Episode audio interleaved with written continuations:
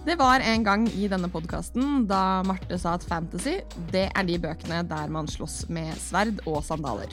En annen ting jeg ikke liker når jeg snakker om bøker, eh, og film generelt, er når de slåss med sandaler og sverd.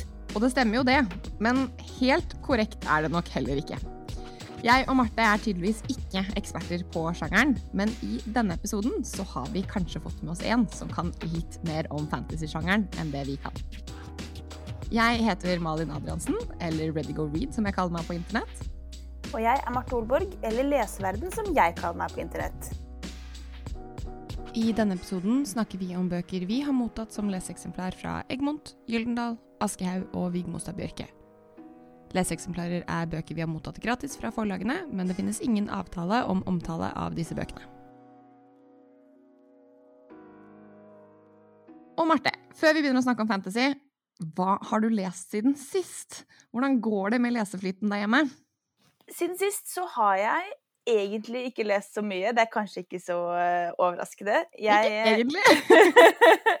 jeg har uh, dog fått en del titler i posten som jeg gleder meg til å lese fremover. Eller har noen bøker på vei. Men siden sist så har jeg rent konkret bare lest én bok. Og det er Katalog, Katalog over min menn. Hvordan kunne jeg gjette det? Nei, det er jo Helene Uri som har skrevet den, og det er en bok som vi har lest i vår bokklubb, bokklubben Marte og Malin. Um, og vi diskuterte den sammen forrige uke. Eh, for dere som ikke har lest den, så er det en bok som eh, handler om eh, en dame som skal få en hjertetransplantasjon. Og så følger vi på en måte hennes livshistorie gjennom ulike menn som har forteller hvordan hun, de opplever henne. Alt fra hjertekirurgen hennes til eh, ja, sønnen hennes. Eh, så eh, det var jo det som vi har kalt i podkast, eller Malin kanskje har kalt i podkasten før, en romanroman. Altså en veldig sånn Ja. Det var ikke, kanskje ikke helt den boka som du eh, elsker, ville elsket og hyllet. Nei, det var jeg... ikke fulltreffer for meg. Men jeg tenker at det som er ufattelig positivt med mm. både nå den boka og Bokklubben, det er jo det at du faktisk forplikter deg til å lese en bok i måneden. Så du har alltid noe å snakke om i den podkasten her, for eksempel. At du har lest noe siden sist. Absolutt. Og så trenger jeg i hvert fall Jeg trenger kanskje å bli pusha litt da, i den hverdagen jeg har nå, til å sette meg ned og ta meg tiden og faktisk lese en bok. Og jeg likte jo boka ganske mye. Og det som jeg syns var veldig interessant da når jeg leser denne boken nå, var at denne boken handler jo kanskje om en sånn litt mer sånn morsfigur. Mm. Og jeg som nå har blitt mor, har for første gang begynt å identifisere meg med hovedkarakterene i samtidslitteraturen. som jeg før har liksom bare sånn Å, kjedelig. Eh, nå, nå, har jeg faktisk sånn Hm, ja, men dette var litt interessant hvordan hun har forhold til sin sønn. Så sånn på mange måter så kjenner jeg at jeg har, blitt, har nok blitt en Det blir nok spennende fremover, den lesereisen jeg skal begi meg ut på. Det er gøy å høre at man har litt sånn utvikling i lesingen sin. Og det har jo jeg snakket litt om at jeg også har hatt. At det jeg har lest i det siste, har forandret seg veldig. Jeg har lest mye mer sakprosa, mye mindre ungdomsbøker, eller i hvert fall mye mindre av de engelske YA-bøkene. Eh, men siden sist nå så har jeg endelig fått lest eh, den nye ungdomsboka til Neda Alai, altså 'Å fange luft'. Jeg har jo snakket litt om at jeg har fått lest et tidligere utkast av den boka eh, når hun jobbet med den, altså underveis i prosessen. Men nå har jeg endelig fått lest det ferdige resultatet, og altså, fy søren, dagens ungdom er heldige som har forfattere som Neda, som skriver litteratur til dem som er så vond, god og treffsikker. Eh, altså, du har jo titta litt, og du har, har du, har du fått, hadde du fått lest boka, Marte?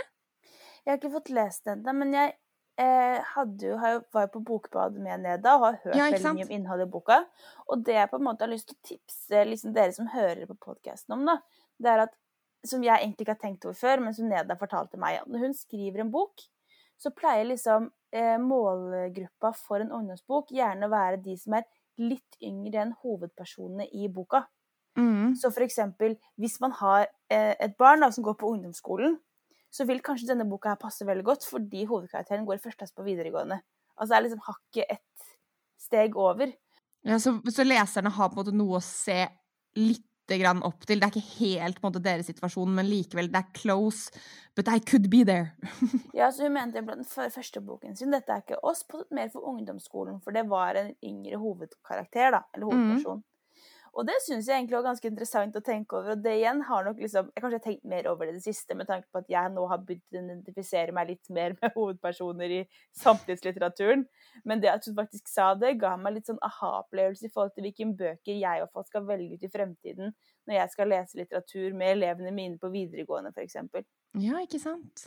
Ah. Slenger det ut her også, sånn at det kanskje er mødre som har lyst til å få Hvorfor leser ikke barnet mitt? De kan jo tenke litt over hvor gammel karakteren i boka er. når de ikke velger sant, ikke Den bør være hakket eldre enn hva ungen din er. da. Ja. Jeg har uh, også lest en annen bok som virkelig imponerte meg, som jeg har veldig lyst til å anbefale andre å lese. Og det er boken 'Hold meg til jeg sovner' av eh, Lara Rashid. Dette er jo en bok om Lara selv og hennes liv, og hennes liv som minoritet i Norge. Uh, og i tillegg så er det da en ufattelig sterk historie om hennes opplevelse av Utøya og det å miste en søster på Utøya.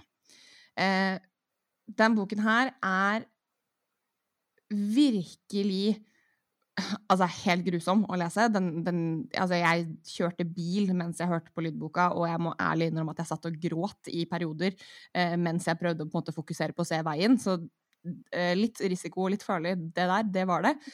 Men den gjorde så Altså, som, hun er journalist, og det merker man i måten hun skriver på, fordi hun skriver på en så god og treffsikker måte at jeg bare det gjorde det til en skikkelig god leseopplevelse. Og selv om det er helt grusomme ting hun skriver om, så var det altså, Så tror jeg at det er viktig at vi leser og lærer av historien og det som har skjedd. Og måten Lara gjør det på, det imponerte meg, altså. Så det er en bok jeg har kjempelyst til å anbefale andre å lese framover, fordi ja, den var god. Skikkelig god. Den boka høres utrolig sterk ut, Marlen. Malin. Jeg husker jo selv altså har, Jeg har jo også lest noen Utøya-bøker i sommer.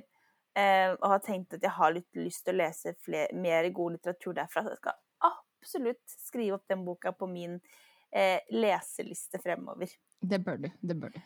Men så tenker jeg at eh, er det en sjanger som vi sjelden nevner at vi har lest, så er det jo, som du sa innledningsvis, det er jo fantasy. Ja. Så vi har jo i dag lurt med oss en vi ser på som ekspert på fantasy, en felles venn av oss, eh, som, eh, som, har eh, god peiling på Altså nå har ikke jeg sagt jeg har så god peiling på fantasy, fordi som sagt, jeg mitt syn på fantasy er jo, som jeg har fortalt før, dette handler om sverd, sandaler eller romskip. Det er liksom det det går i. Men vi har da med oss Gabby, eller Bookstrider, som eh, hun er kjent på på Instagram og på Snapplioteket. Ja. Så hei, Gabby. Hallo. Men først og fremst, Gabby, eh, eller Bookstrider, da, som vi kjenner deg som på Instagram. Til de som ikke kjenner deg, eh, så kunne det jo kanskje vært greit å vite litt om hvem du er. Og vi bryr oss jo egentlig bare om hva slags leser du er. Så liksom, hva, hvordan type leser er du, og hva definerer deg som, som leser, hvis man kan si det? Eh, ja, det er jo et veldig godt spørsmål. Eh, jeg er veldig glad i fantasy og sci-fi. Det er stort sett de som er mine go to-sjangre hvis jeg skal dykke inn i bøker. Jeg er òg litt glad i krim. Eh, og jeg tror det har en ting å gjøre med at jeg er veldig glad i mørk fantasy. Jo mørkere og jo mer brutalt, åh, jo perfekt er det for meg. Det høres veldig sånn negativt ut, men jeg syns det er vanvittig spennende å dykke ned i de mørke sidene hos karakterer og i verdener. Da. Så jeg syns det er veldig, veldig artig. Og jeg er veldig glad i å lese serier. Så hvis en bokserie er på sånn tre til ti bøker, supert. Da har jeg noe å dykke ned i. Er du en sånn person som leser hver dag, eller leser du i større bolker få ganger i uka, eller i måneden? Jeg er veldig humørbasert eh, leser. Veldig sånn følelsesmenneske. Så jeg leser veldig variert fra hvordan jeg føler meg den dagen eller den uken. Så akkurat nå er jeg i en veldig god leseperiode, så da leser jeg litt hver dag. Mens andre ganger så kan det gå flere uker før jeg leser noe. Eh, og andre dager så er det sånn Jeg vil ikke gjøre noe annet enn å sitte og lese. Så mm. veldig varierende. Og så føler jeg at det er et veldig viktig spørsmål. Er du en kun en lese med øynene-person, eller liker du også lydbøker? Liker veldig godt lydbøker. Jeg var ikke fan av lydbøker før, men Hei, korona. Ble veldig glad i lydbøker. Interessant. Og en annen ting som er veldig viktig, på en måte, føler jeg sånn Jeg og Marte vi kategoriserer også veldig sånn, sånn raske lesere. Vi leser mye, og vi leser, liksom, vi leser ganske kjapt, og det definerer ofte leseopplevelsen vår. Eh, tenker du noe over lesehastigheten din selv? Eh, jeg, jeg, tror ikke jeg begynte å tenke på det før du tok det opp. Eh, når du hadde en sånn herre der du liksom demonstrerte hvordan du leste, eller hvordan du leste på siden. ja. eh, så jeg, jeg, leser ganske kjapt, og hvis det er en, en, serie eller bok som fenger meg veldig, så leser jeg den utrolig kjapt. Da kan jeg fint sitte en hel dag og så bli ferdig med en bok, liksom. Men det avhenger veldig av humøret mitt den dagen.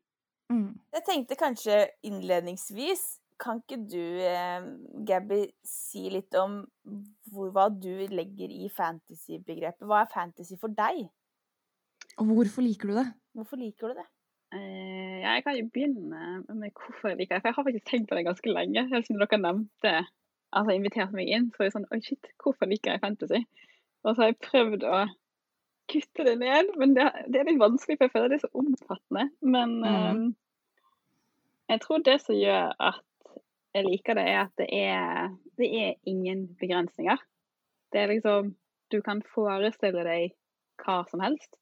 Og eh, ofte så er jo den typen fantasy jeg liker, det er gjerne veldig store og dype verdener. Så det er liksom en kreativitet hos forfatteren som gjør at min kreativitet òg våkner veldig, da. Eh, så da Det er liksom en slags flukt fra din egen virkelighet, samtidig som du går inn i en verden som likevel tar opp alle disse komplekse temaene og har karakterer med en enorm dybde og lag, som jeg ofte egentlig ikke alltid finner i andre sjangre. Eh, så jeg tror at for meg så er fantasy det, det er ingen begrensninger. Det, det, finnes, det er ingen regler som gjelder, på en måte. Du kan bryte alle reglene, og så kan du lage din egen verden. Og selvfølgelig er jo det regler inni den verden, men ja. Ja, men hvis vi da skal på en måte faktisk prøve å sette litt regler på, på hva er fantasy eh, Fordi du sier jo at det ikke er noen regler, men det er jo innad i selve sjangeren. Fordi det er jo noen Det må jo finnes noen regler for hva, hva definerer egentlig på en måte et fantasyverk. Hva, hva er fantasyen? fantasien? Eh, når jeg hadde fantasy-dag på Snappetek, så måtte jeg gjøre litt research for å få det sånn litt mer sånn konkret. da. Mm. Eh, og da var jo det stort sett det jeg så for meg, det er at det fantasy-sjangeren er en sjanger som da eh, bruker magi eller andre overnaturlige eh, evner, da, som fremhever eh, handlingen. Og det er en naturlig del av den verden, da. Det trenger ikke være veldig mye magi, det kan være litt magi, eller så kan det være en verden som bare alt er magi. Det kan òg være noe som er litt sånn science fiction.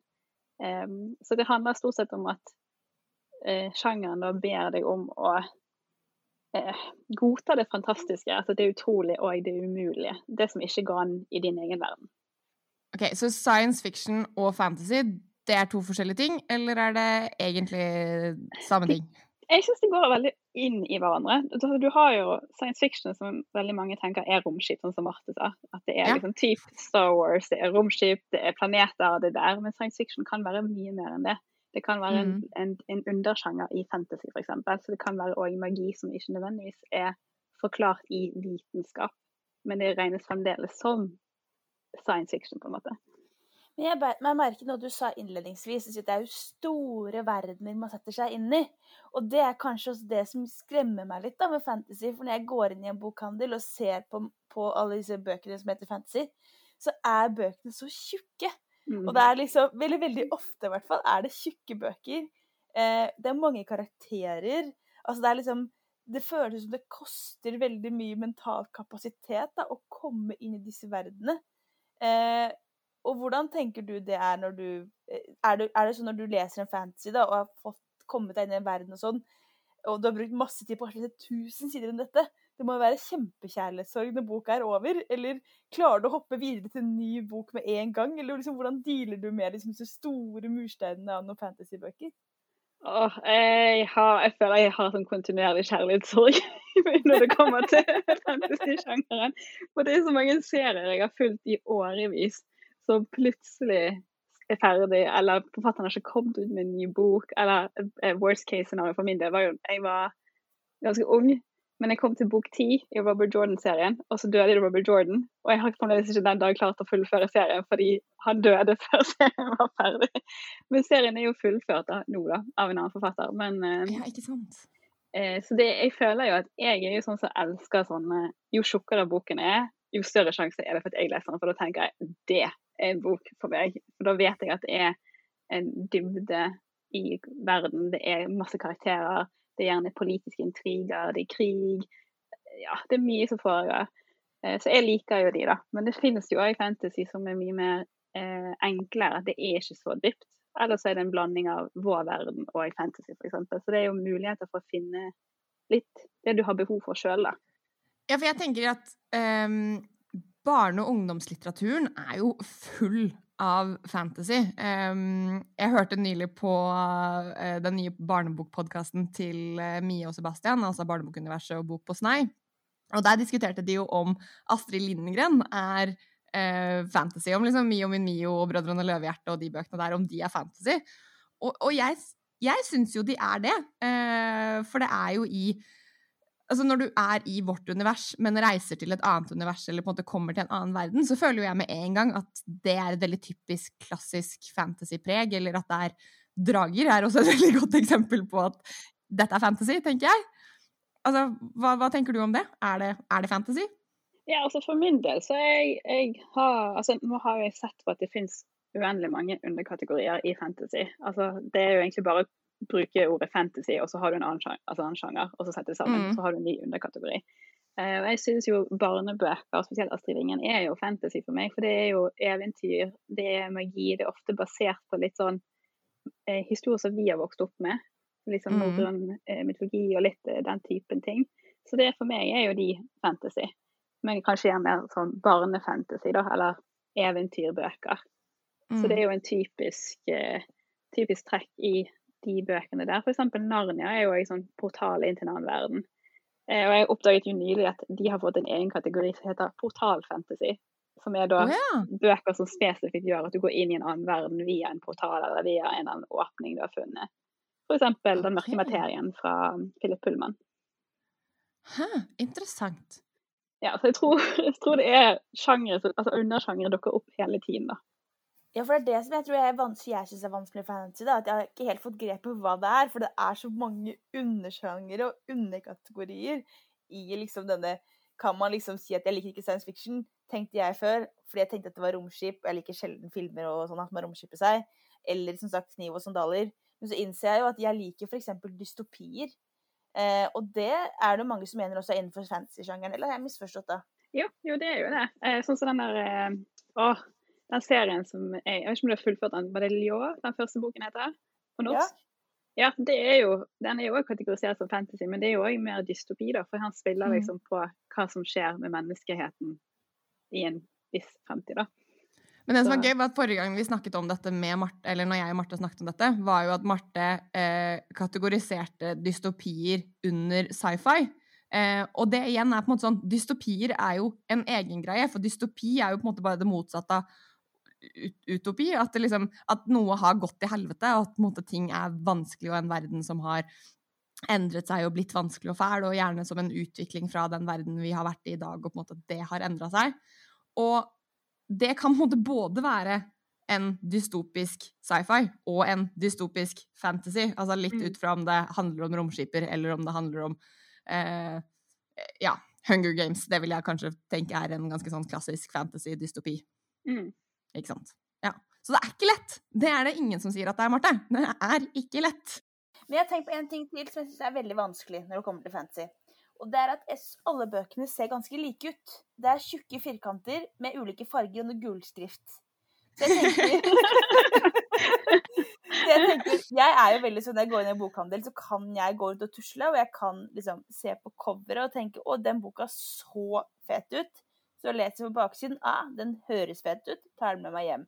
Men når du på en mm. måte skal gå inn i en bokhandel med mange eh, fancy-titler, og kanskje Jeg har jo et utrent øye, så jeg skal ikke si at alle bøkene ser like ut, men de ser litt like ut. Du ser ofte at det er fantasy. Så hvordan, Må man drive mye research, eller har du liksom sånn øye for de fete forsidene der? Eller hvordan, hvordan gjør du det? Uh, oi. Uh, ja, nå er jo jeg stort sett mest på Outland. Og Outland er jo bare fantasy omtrent, og sci-fi og litt sånn alternativt. Yeah. Um, så der Jeg tror kanskje fordi jeg har vokst opp med fantasy-sjanger så kjenner jeg igjen. Uh, og selvfølgelig, det er jo kanskje litt av den der herre-effekten, at alle bøkene har den som du sier, gullskriften og store titler og litt sånn spennende, fengende uh, navn, da. Um, men for meg så er det ofte For det første så er jo det tittel en ting. Eh, og for det andre så er jo det gjerne kunsten som er på bøkene. For noen, de fantasy-bøkene jeg vokste opp med, hadde veldig detaljert kunst. For, altså sånn, eh, den arten og den kunstverket foran var veldig sånn detaljert. Du så liksom krigere, du så drager, du så liksom sånne ting. Der. Så det var det som fenget meg da jeg var yngre. Mens i dag så er det gjerne mer tittel eller følelsen jeg har når jeg ser boken, og så plukker jeg den opp og så eh, sjekker jeg den ut. Og så er jo jeg såpass nerdete at jeg har en del forfattere som jeg følger slavisk omtrent. som Så jeg har fulgt siden jeg hoppet over til å lese på engelsk. Så det er jo noen av de som jeg går sånn spesifikt etter og ser om de har fått nye bøker, eller det har kommet en annen utgave, osv. Men jeg tenker vel på at i fantasyen så lærer man seg jo vel sikkert litt etter hvert hva man liker. Akkurat det samme som når vi leser krim og romaner og sånne type ting, så er det sånn man finner ut på en måte om man liker store plot-twister, eller om man liker på en måte at man hører ting fra morderens perspektiv. Altså man finner jo på en måte disse elementene som du syns er interessant, og så leter man etter fantasy som har de samme på en måte, punktene. Og jeg har jo, når jeg på en måte har prøvd å skjønne fantasy-sjangeren litt mer, så har jeg jo hørt uttrykk som epic fantasy, urban fantasy, high fantasy. Og jeg har liksom følt at det er spesielt ord som går igjen for å beskrive forskjellig type fantasy-litteratur. Um, har du noe forhold til måte, disse definisjonene, og hva, hva de er, og hvordan, hvordan de brukes? Eh, ja, altså sånn episk og høyfantasy er jo den typen som jeg er veldig fan av. Som er den klassiske Ringenes herre, Game of Thrones, alle de store, altså 'Tix Jula', Robert Jordan. Som er sånn ja, ja. store Altså, det er gjerne serier, det er store ting som skjer, det er gjerne en hendelse som på en måte påvirker alt som foregår rundt eh, i denne verden. Eh, og så har du gjerne en, en helt eller heltinne som da får i oppdrag å løse denne her eh, hendelsen, eh, og gjerne folk som man ikke nødvendigvis ville tenkt at det er de som får eh, oppdraget, da. Og de gjerne kanskje litt sånn ofte overrasket over at shit, det er jeg som må ta tak i dette. underdog, liksom? Ja, liksom, altså, hvis du tenker på Ringens herre, så er jo Frodo han er jo en, en hobbit, liksom. Av alle, de, sånn, alle disse her store ridderne og alver og dverger, og så er det en hobbit som får i oppgave å liksom, ødelegge ringen. da. Det er jo den minst sannsynlige personen du tror skal klare seg gjennom dette her eventyret. Så det definerer jo gjerne episk og høy, eller klassisk fantasy, da. ah, ja. Eh, så de syns jeg er veldig spennende. Og det er kanskje noe som også tiltrekker ungdom eh, til de. Fordi det er jo gjerne som, barn og ungdom så har du kanskje ikke så mye makt i din egen hverdag. Du er på en måte definert at du skal på skole, du skal jo fullføre dette, du skal gjøre sånn og sånn. Mens i bøkene så er de gitt en mulighet til å fikse ting som kanskje ikke de skulle ha gjort i utgangspunktet. Uh, ja. Ja, det var et godt poeng. Det har jeg egentlig aldri tenkt over. Så jeg tror for min del så var det nok det som gjorde at jeg falt inn i fantasy-sjangeren veldig fort. For det var oftest lærlingene som plutselig bare Shit, nå skal du redde verden. Og du har lært ingenting ennå. Du kan så vidt litt magi, og så nå skal du redde verden. Men jeg tenker liksom, husker du hvilke bøker som var de første fantasy-bøkene du leste, og som fikk deg til å tenke sånn åh, dette er sjangeren for meg?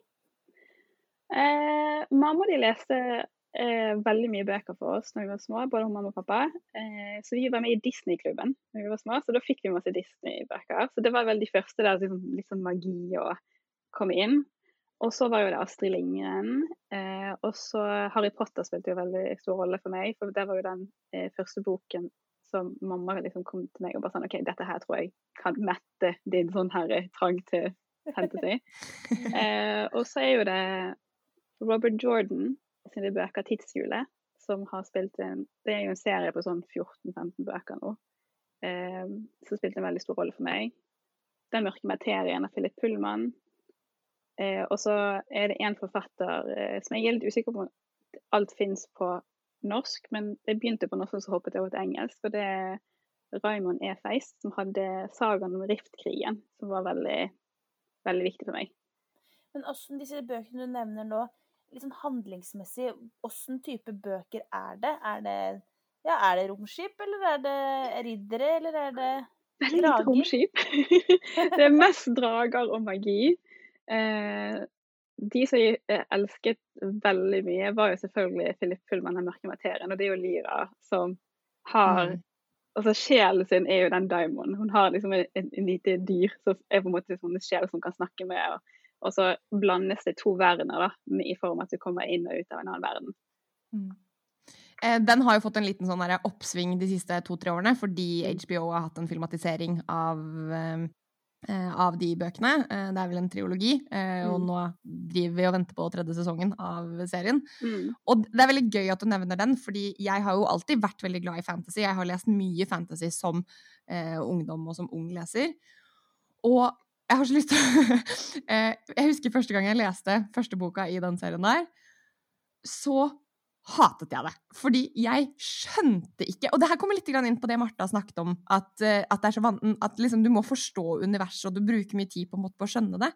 Men når jeg leste den boka der, så skjønte jeg ikke hva en Hva er det vi kaller det på norsk? Diamond? Er det det den Mm. Ja. Eh, Jeg, jeg skjønte ikke hva det var, fordi jeg leste det som demon. Og så var jeg bare sånn Men en demon er det du har med deg Altså, er det ondt? Er det bra? Er det dårlig? Altså, jeg fikk for lite forklaring på hva en av de viktigste tingene i denne boka hva det på en måte betydde for meg som leser. Jeg klarte ikke å forstå det. Mm. Men når jeg leste de bøkene her på nytt igjen, nå rett før måte første sesongen av eh, serien kom, så har jeg jo bare elsket det. Syns det har vært helt fantastisk, fordi den der Altså, jeg skjønte mer Det var noe jeg skjønte Det var noe som klikka, da! Og jeg Mm. skjønte plutselig på en måte hva dette elementet i fantasyhistorien var, og hva det betydde. Og, og det har gitt meg en veldig sånn um, forståelse for at fantasy er ikke for alle, fordi det er visse ting du på en måte må klare å skjønne for at du skal uh, bli underholdt og på en måte like det du leser, da. Hvis det gir mening. Gir det mening? Ja, jeg tror altså for min del så tror jeg det jeg kjenner igjen når jeg snakker med andre som liker fantasy, er at vi har en veldig livlig fantasi. Altså vi, de som jeg snakker mest med om fantasy, er personer som liksom, oi, er sluker serier og bøker, og vi klarer å fordype oss i det på en helt annen måte enn andre folk som liker andre sjangere gjør. Fordi, jeg vet ikke om det er kanskje fordi det er kreativiteten, det er interessen for det som man kan forestille seg sjøl. Eh, og for min del, som du snakker om det her med Lyra og, og liksom at hun har Er det en djevel, er det sjel, hva er det for noe? Jeg Mhm. husker at det har jeg aldri hatt problemer med å forstå. Jeg husker at jeg syns det var bare episk kult at hun hadde en del av seg sjøl som var utenfor, som hun kunne snakke med og diskutere. Og så var det ikke noe viktig for meg å vite om det her er dette er godt eller eh, ondt, eller hva som er nå. Og når jeg har lest de bøkene som voksen, så har jeg på en måte forstått et nytt lag av det. Mm. Så det er det jeg liker best med fantasy, at jeg har en mulighet til å tolke det liksom som jeg vil sjøl. Og så kan jeg gå tilbake et par år senere og lese på nytt igjen, og så får jeg en ny forståelse av det eh, den gangen. For du er noen som leser samme bok flere ganger, eller er det veldig Ja. sjelden du gjør det? Eller? Nei da, jeg kan lese Jeg leser en del bøker på nytt igjen, spesielt ting jeg er veldig, veldig glad i. Eh, og så er det en del bøker som jeg leste i ungdomstiden, så jeg, som jeg har et sånt stort fantasyprosjekt nå, da. Som er på den fantasy-listen til Times. Og jeg skal lese på nytt igjen, for jeg har ikke lest de siden jeg var ungdom. Og jeg husker de litt sånn vagt. Så jeg er veldig nysgjerrig på hva, hvordan jeg opplever de bøkene nå, da. Ja, kan du fortelle om det? For jeg har sett på Instagram at du har, skal lese en x antall bøker på en eller annen liste. Åssen liste er dette? Eh, Fantasy-listen til Times Magazine. De satte sammen et panel i 2019 som besto av eh, ansatte på, i Times Magazine, journalister og redaktører, og så hentet inn eh, en viss antall forfattere, eh, fantasyforfattere, som da skulle nominere alle sine favoritter i sjangeren. Og så havnet de på en liste med 250 bøker, og så stemte de over de 100 beste bøkene. Så dette her er en liste som egentlig er de 100 beste fantasybøkene gjennom tidene. Så den eldste Wow. boken er jo fra det 9. århundre, og den siste boken er den som kom ut i 2019-2020. Eh, Og du har bestemt deg for å lese alle disse? Ja, jeg skal lese alle. Så det er Wow. 100 bøker, men så er jo veldig mange av bøkene en del av eh, serier. Og så er bok to eller tre nominert i listen, så da kan du ikke bare hoppe inn i bok tre. Jeg må jo lese bok én og to. Så det, det nærmer seg 300 bøker totalt. What?! Så, så det her kan bli veldig gøy. Men det, jeg, jeg er så giret over det. Jeg er så For det er så mange bra bøker, og så er det så mange bøker jeg ikke har hørt om. For de har jo inkludert veldig varierende forfattere. Eh, det er kvinner og menn, det er mer eh, Hva heter det på norsk? Altså diverse reads. Det er mer eh, Ja, mangfoldig mangfoldige forfattere. Ja. Bøker som kanskje ikke har vært sånn på topplistene, men er veldig anerkjent for at de er gode. Så jeg gleder meg. Så den lista er jo egentlig et veldig bra sted å starte for eh, folk som har lyst til å lese mer fantasy, og som har lyst til å på en måte få inspirasjon til hva man kan lese. Så er det å finne den lista og sjekke opp den. Ja, altså jeg vil jo anbefale den listen, fordi alle lister som man har Hvis du googler 100 beste fantasybøkene, så vil du alltid få opp haugevis av lister. Men forskjellen på denne listen var at det var et, et skikkelig panel. da. Det var et panel bestående av folk som har eh, skrevet bøkene sjøl. Det er folk som liker sjangeren, det er journalister, det er redaktører. Og så har de sett på et visst antall kategorier, så jeg følte at denne ble litt mer sånn helhetlig, da. Eh, I forhold til de andre, så der folk egentlig bare nevner det de liker best, og så får du litt sånn samme type forfattere. ikke. Jeg har jo en liten utfordring i møte med fantasy, da. Og det er at det er veldig mye som ikke oversettes til norsk. Og jeg Mm. hører jo, eller leser jo veldig mye bøker på norsk. Ehm, og så har jeg spurt deg for en liten stund siden om du kanskje kunne komme med noen anbefalinger. Du har lov til å komme med engelske anbefalinger også, altså. Men om du har noen anbefalinger for ja, meg eller Malin da, til hvordan vi kan eh, utfordre oss på det å lese fantasy? Har du noen titler til oss så vi slipper å lese de 100-300 bøkene? Det er liksom, hvor skal vi begynne? Eller Malin har lest litt mer, men hvor skal jeg begynne, kan jeg kanskje si. Mm. Hva bør man lese?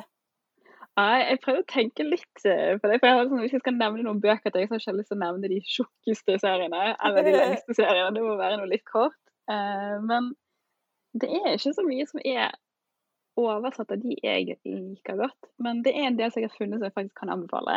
Eh, jeg liker jo 'Ravneringene', som er jo norsk fantasy, så jeg syns det er veldig gøy. Jeg Nå er jeg på bok to, da, men jeg likte bok én veldig godt. Er Er det den som er Odins barn og sånn? Ja. Og det er jo ikke sånn kjempelange. Nei, for den har jo faktisk jeg lest. Odins barn. Hey! Ja, jeg og Malin, vi leste den eh, i bokklubben vår. Mm. Eh, jeg hadde nok litt problem her med at det Malin snakket om i stad, med at hun ikke forskjønte demonene eller de Mm. diamonene og hva det var, den følelsen hadde jeg litt i møte med Odins barn. At det var mange eh, elementer med boka jeg kanskje ikke hadde erfaring nok fra sjangeren til å forstå.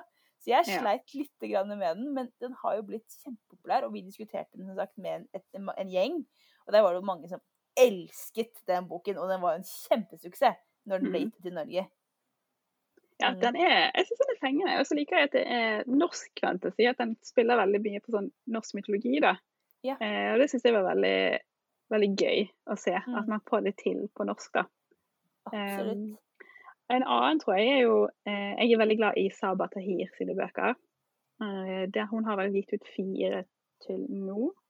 Eh, og den første heter 'En glo i asken'. Og det er òg en litt sånn fantasy, men litt mer sånn ungdomsbok, eh, da. Ungdomsfantasy. Og den Den serien har jeg jo lest. lest. Jeg, kan, ja, jeg er enig i den anbefalingen. De er Mm. eh, ja, veldig kule. Veldig kule. Hva er det som gjør de kule, da?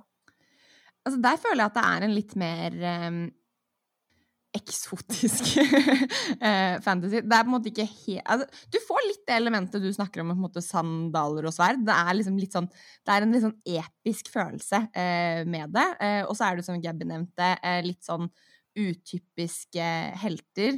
Eh, og så har du på en måte mye sånn ekstra lag med drama og historie, eh, med på en måte både kjærlighet og vennskap og eh, det, det er rett og slett bare en sånn skikkelig fantastisk verdensbygging i, i den boka her. Eh, så, ja, jeg føler at det er mange ting ved den som er litt sånn I hvert fall fra det jeg tidligere hadde lest, litt sånn utypisk. Men det vet jeg ikke om kanskje stemmer i den store og hele fantasyverdenen, om den var det. Nei, jeg synes det. Han skiller seg ut fordi eh, forfatteren er jo pakistansk-amerikansk. Hun bruker elementer fra en annen kultur. Eh, Mm. Så hun blander veldig veldig fint inn. Eh, og det syns jeg òg er en fin måte å gjøre fantasy-sjangeren litt mer representativ. At det ikke er den vanlige, typiske eh, Det er jo egentlig akkurat det samme som Siri Pettersen gjorde med Ravneringene. Og på en måte Mm. bruke det hun kan fra sitt hjemland til å på en måte bygge et univers som kan leses av alle, og som kan Mm. føles relaterbart for alle. Og så er det sånn at den, det er ikke så mange personer å forholde seg til i, i den serien heller. Du har liksom gjerne tre-fire personer du holder deg til. Eh, helse er jo de to hovedpersonene som du følger igjen hele boken, så et par andre karakterer som kommer inn. Så den er ikke sånn som andre serier som gjerne plutselig har et persongalleri på tolv stykk du skal følge gjennom hele serien. Så den er lettere å henge seg på eh, og skjønne verden du er i, da. Mm. Marte sier jo, eh, har, kommenterte jo her at det er veldig lite fantasy som blir oversatt til norsk. Eh, og når du nevner En glo i asken, så er jo det også et veldig godt eksempel, fordi der er første boka i serien blitt oversatt, og så har ikke bok to og tre, som, for det her var jo opprinnelig en triologi, og så har det blitt en kvartett, er det ikke det? Ja. Um, og, og, likevel, på norsk så finner vi kun den første boka, og ikke resten. Eh, og jeg vil jo si at det er kjempedumt. Men det er veldig typisk for norsk fantasy-litteratur, er det ikke? At vi, vi, dessverre har ganske lite tilgang på fantasy på norsk? Ja, altså det er jo en av grunnene til at jeg stort sett leser på engelsk. Eh, det ble jo formet veldig tidlig i min barndom. Fordi alle bøkene jeg leste som var fantasy, da hadde du bok én, og så var resten bare på engelsk. Eller så tok det år før du fikk oversatt det. Så jeg mm. skylder jo litt på det. Det er jo derfor jeg er så inn i engelsk litteratur, og spesielt fantasy-sjangeren er veldig veldig lite blir oversatt til norsk.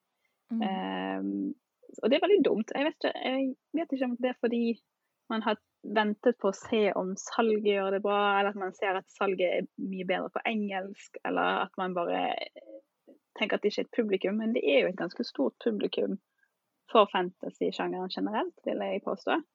Og mm. når jeg var på, jeg var på en sånn tegneseriefestival her i Bergen for et par uker siden, og der trakk jo de frem eh, fantasy-suksessen i Norge eh, de siste årene. Og jeg syns det var jo veldig artig å se, og det er veldig gøy å se at det har kommet flere ting. Men det er jo spesielt gjerne i, i tegneserieverden. Der syns jeg vi har fått masse å velge mellom. Hva trakk de frem da? Som Eh, nei, det var jo eh, Eggmont. Så det var jo Ragnarok-serien fra Odin Helgheim. Eh, og så var det eh, Dragens øye og Snøkattprinsen. Og jeg har Og Malin Falk sin uh, ja. tegneserieroman som jeg plutselig ikke husker hva heter, men ja. Mm. Så det er jo de som har på en måte kommet ut, da, og de er kjempebra serier. Og så er det en som heter Lisets vokter, som jeg husker ikke HL Phoenix, tror jeg det Jo, han som skrev mm. det. Så de er jo stor. Eh, og det er jo gjerne litt mer sånn type barne- og ungdomslitteratur, da, men de er veldig god gjennomført fantasy. Um, så jeg syns at der har man klart å finne masse dyktige folk og forfattere som lager fengende serier. For jeg føler jo veldig ofte at det som oversettes, er eh, plasseres så i ungdomshylla i en bokhandel at det er veldig lite voksenfantasy, med unntak kanskje av Game of Thrones, eh, som man finner i en vanlig bokhandlerforretning i dag. Eller er det jeg som er veldig dårlig til å lete? Nei, altså det er jo en erfaring jeg har fra da jeg jobbet i bokhandel selv også. Eh, og jeg tror dette med oversatt fantasy-litteratur er noe vi kunne snakket om i sikkert en time, og vi skulle gjerne hatt måte, enda mer eksperter fra bransjen enn Gabby til å snakke om akkurat det. Eh, men det er jo en ting man hører på en måte fantasy-samfunnet i Norge universelt prate om og klage om, at det er dårlig tilgang på det, og når man faktisk finner norsk fantasy, så blir det med en gang plassert under ungdom. Eh, og jeg tror at i ganske mange bokhandlere så har du også funnet Game of Thrones i ungdomsbokhylla, og mm. ikke i på en måte eh, voksenhylla. eh, nettopp fordi jeg føler at man i Norge har bygd opp fantasy som en det er en ren ungdomsgreie, og hvis du leser det som voksen, så er du på en måte barnslig. Mm. Eh, jeg sier, det, jeg sier ikke at det på noen måte stemmer, men det er litt den holdningen det utad kan se ut som norsk bokbransje har, dessverre. Eh, og da er det jo kjempesø... Altså, det at vi ikke oversetter så mye, er jo dumt i seg selv. Men det, jeg føler heller ikke at det på en måte skrives så mye fantasy for voksne blant eh, norske forfattere. Du har Siri Petterson, og hun er jo på en måte i en verdensklasse med sin litteratur, men ellers så er det Ja, noe mangler, da. Og hun ble jo også plassert under ungdom... Altså, hun er jo også en ungdomsbokforfatter i Norge. Selv om internasjonalt så er hun ikke det. Så det er, er, vi, er vi en særklasse i Norge når det kommer til måte, hvordan vi behandler fantasy i bokbransjen? Jeg tror det. Altså sånn, eh, man blir jo sett på litt sånn sånn Å ja, du leser fantasy, du leser liksom ikke skikkelig litteratur. Hvis du på en måte Mm. havner i en diskusjon med andre som leser andre typer sjangere. Eh, og, det, og jeg syns det er litt trist, fordi da mister man det komplekse ved fantasy. For fantasy har en egen evne til å trekke frem veldig reelle og sårbare problemstillinger på en helt annen og unik måte, syns jeg. Og det er jo der jeg virkelig fenges av fantasy, fordi de tar opp alt fra identitetskrise til eh, det å vokse opp, til det å finne sin plass, finne sin found family, som er noe vi alle går gjennom eh, i ulike stadier av livet. Og de gjør det på Mm. en så fenomenal måte som gjør at du virkelig klarer å føle med dem. Eh, og det syns jeg egentlig jeg ikke klarer å få ut av andre bøker alltid. Noen bøker Mm. klarer å vekke følelsene i meg, men fantasy har en evne til å på en måte pakke det inn i et helt annet element, som gjør at det treffer mye dypere. Eh, og da mister jo du den når folk på en måte sier til deg at nei, men det er jo barnelitteratur. Og så er det sånn, du har ikke skjønt dybden. da får jeg litt lyst til å bare sånn, hallo, det er en dybde. Du som ikke er smart nok til å forstå det! Nei. Ja. Nå føler jeg at jeg har begynt å få i hvert fall kanskje litt mer oversikt over hva fantasy-sjangeren både innebærer og litt ulike typer bøker jeg kan lese. Men jeg lurer på, Gabby, om du har noen siste anbefalinger nå helt på tampen til enten om det er serier eller frittstående bøker som du vil anbefale? Eh, ja, må jo korte det ned, tenker jeg. Men eh, jeg tenkte jo på eh, eh, faktisk en oversettelse som jeg leste som var vanvittig god, og da ble jeg veldig overrasket. Fordi jeg hadde egentlig tenkt å lese den på engelsk. Eh, og det er 'Vindens navn' av Patrick Rothfuss. Den er oversatt Den er... først. Jeg har den hylla, og den er så tjukk! men Marte, den er så nydelig skrevet. Altså, Jeg var veldig skeptisk til å lese den på norsk. For jeg var sånn Nei, det her er jo en sånn episk fantasybok. Men så hadde jeg kjøpt den på norsk for veldig lenge siden, så tenkte jeg jeg skal ikke kjøpe en ny en. Jeg skal ikke lese den på norsk. Og den er så bra oversatt at det Den, ja, nydelig. Den er jo en del av en serie, da. Så det kom to, ut to bøker. Eh, vi venter fremdeles på tredje bok. Ja, det er vel også en sånn veldig typisk bok som Game of Thrones, at Ja. folk bare går og venter på den neste boka, og er litt redd for at forfatteren skal dø Ja. før eh, man får eh, det- det fortsettelsen eller avslutningen. Ja. På norsk så Eh, heter den da Konge, Kongedreperkrøniken, heter vel den serien, for de som Ja. er interessert. Mm. Det er veldig sånn klassisk fantasy, episk eh, fantasy. Eh, hvis du liker eh, fantasy som er litt sånn morsom og litt bisarr og litt rar, så kan jeg anbefale Terry Pratchett sin Discworld-serie. For det er jo en underkategori fantasy, litt sånn komisk fantasy, eh, som er morsom å lese. Eh, og der er jo egentlig alle bøker sånn at du egentlig bare kan lese den du vil. da. Du trenger ikke å lese alle i Discworld-serien. Det er bare å lese den du har lyst til å lese. Um, ja, hvis du liker mørk fantasy, som jeg er veldig glad i. Litt sånn eh, tunge temaer, litt sånn Kanskje litt for mørkt innimellom, men eh, den heter The First Law, og det er Joe Abercrombie som har skrevet den. Veldig bra. Det er tre bøker. Eh, den er ikke like tung som eh, episk. Og hvis du vil ha sånn type Har dere sett filmen Oceans Eleven, som er med Brad Pitt? Selvfølgelig. Ja. Selvfølgelig. Da kan jeg faktisk anbefale Sticks of Crows, for jeg syns den var utrolig oh. artig. Eh, Og det er jo bare to bøker. Eh, Og veldig enkle og lettleste fantasybøker. Så det er litt sånn litt sånn Oceans Eleven-vibes rundt den. Det er litt Hva het den, sa du? Six of Crows av Six Lee Bardugo, hun som skrev eh, Shadow and Bone. Ah, den har jeg hørt om. Mm. Mm. Den har du kanskje også hørt om, fordi det ble en Netflix-TV-serie for ikke så Ja. altfor lenge siden. Det ble det. Ja, for det er jo veldig mye av disse bøkene som ofte blir film og serier, har jeg skjønt. Ja, for Ja. fantasy gjør seg jo veldig bra på TV, og jeg tror kanskje det det gjør seg enda bedre på TV nå, når vi har fått den teknologien vi har fått med på en måte filmatisering osv., enn det det var for, på 60-tallet, liksom. Så det er, jo, det er jo definitivt tiden for å se fantastiske eventyr på film og serie. Ja, jeg gleder meg veldig til november, for da kommer tidshjulet på Amazon Prime. Så den er- har jeg skyhøye forventninger til. Men det blir Wheel of Time og Robert Jordan, var det det? Robert, Yes, ja, det er den. mm, Robert Jordan. Kult. Har du noen andre eh, gode TV-serier som du har sett, som er basert på bøker? Eh, jeg er veldig glad i The Witcher. Jeg syns den var veldig bra lagd. Jeg likte den veldig godt. Um, så kommer jo Altså, Game of Thrones er jo Game of Thrones i sin egen kategori. Selvfølgelig. Game of Thrones er noe helt for seg selv. Så kommer det en Ringenes herre-serie i 2022, som jeg er veldig spent på. Eh, ellers Jeg syns det er Caroline eh, Nei, Coraline, sorry. Coraline, ja, av Neil Gaiman. Den er veldig, veldig fin. Ja. Eh, og så er eh, den her eh, How to Train Your Dragon er jo faktisk løst basert på en bok. Så det syns den jeg var artig. Mm -hmm. Oi! det er veldig koselig.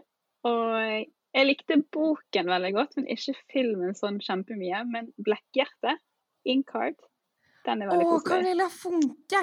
Og det er barndoms... eh, og hun var en av mine favorittforfattere i så mange år, og jeg har aldri vært så starstruck som da jeg møtte henne på litteraturfestivalen i Lillehammer. Ja, det jeg. Men Blekkhjerte, og det er en og den, må jeg lese på nytt, eh, fordi det er faktisk en av eh, favorittene mine. Men fins den som film?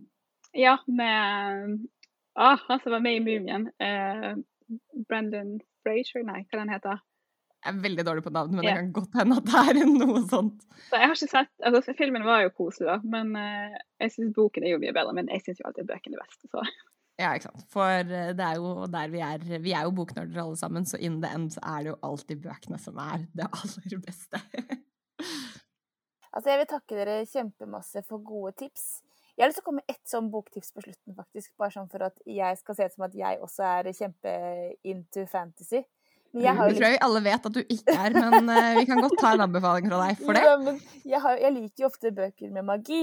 Det, jeg likte jo Narnia-bøkene jeg vokste opp, og jeg har likt Harry Potter og sånn. Ja. Eh, så Ingenlund-serien, den er jo oversatt til norsk, og den syns jeg var skikkelig hyggelig. Ja, den er fantastisk. Så der vil jeg faktisk komme med et tips til folk som liksom, ja, trenger, trenger noe med magi i hovedrollen. Som kunne liksom, ja, tenkt seg noe i den duren.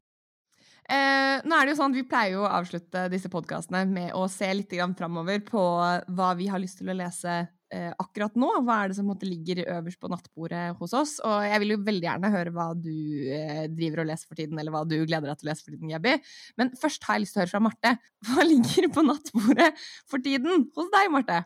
Jeg drev og rydda litt i, i bagene mine her om dagen, og innså at eh, rett før eh, vannet gikk og jeg skulle føde, så drev jeg og leste på Tronen av eh, hun Astrid Fuglehaug og Anne Gunn Halvorsen. Randi Fuglehaug og Ja. Anne Gunn Halvorsen. Det var nesten, da. Veldig bra. Eh, ja, takk, takk. Men eh, jeg er jo faktisk bare halvveis i den boka.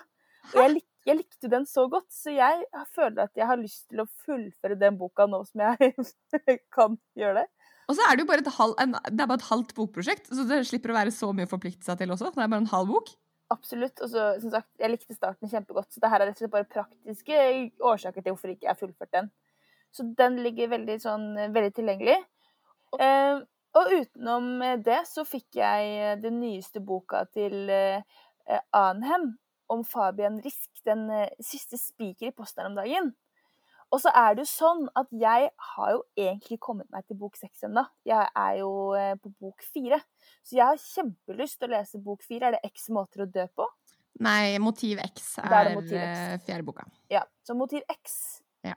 Ja, fordi nå tok du 100 liksom mitt boktips, eh, fordi Siste spiker eh, er nå den boken jeg gleder meg aller, aller, aller, aller mest til.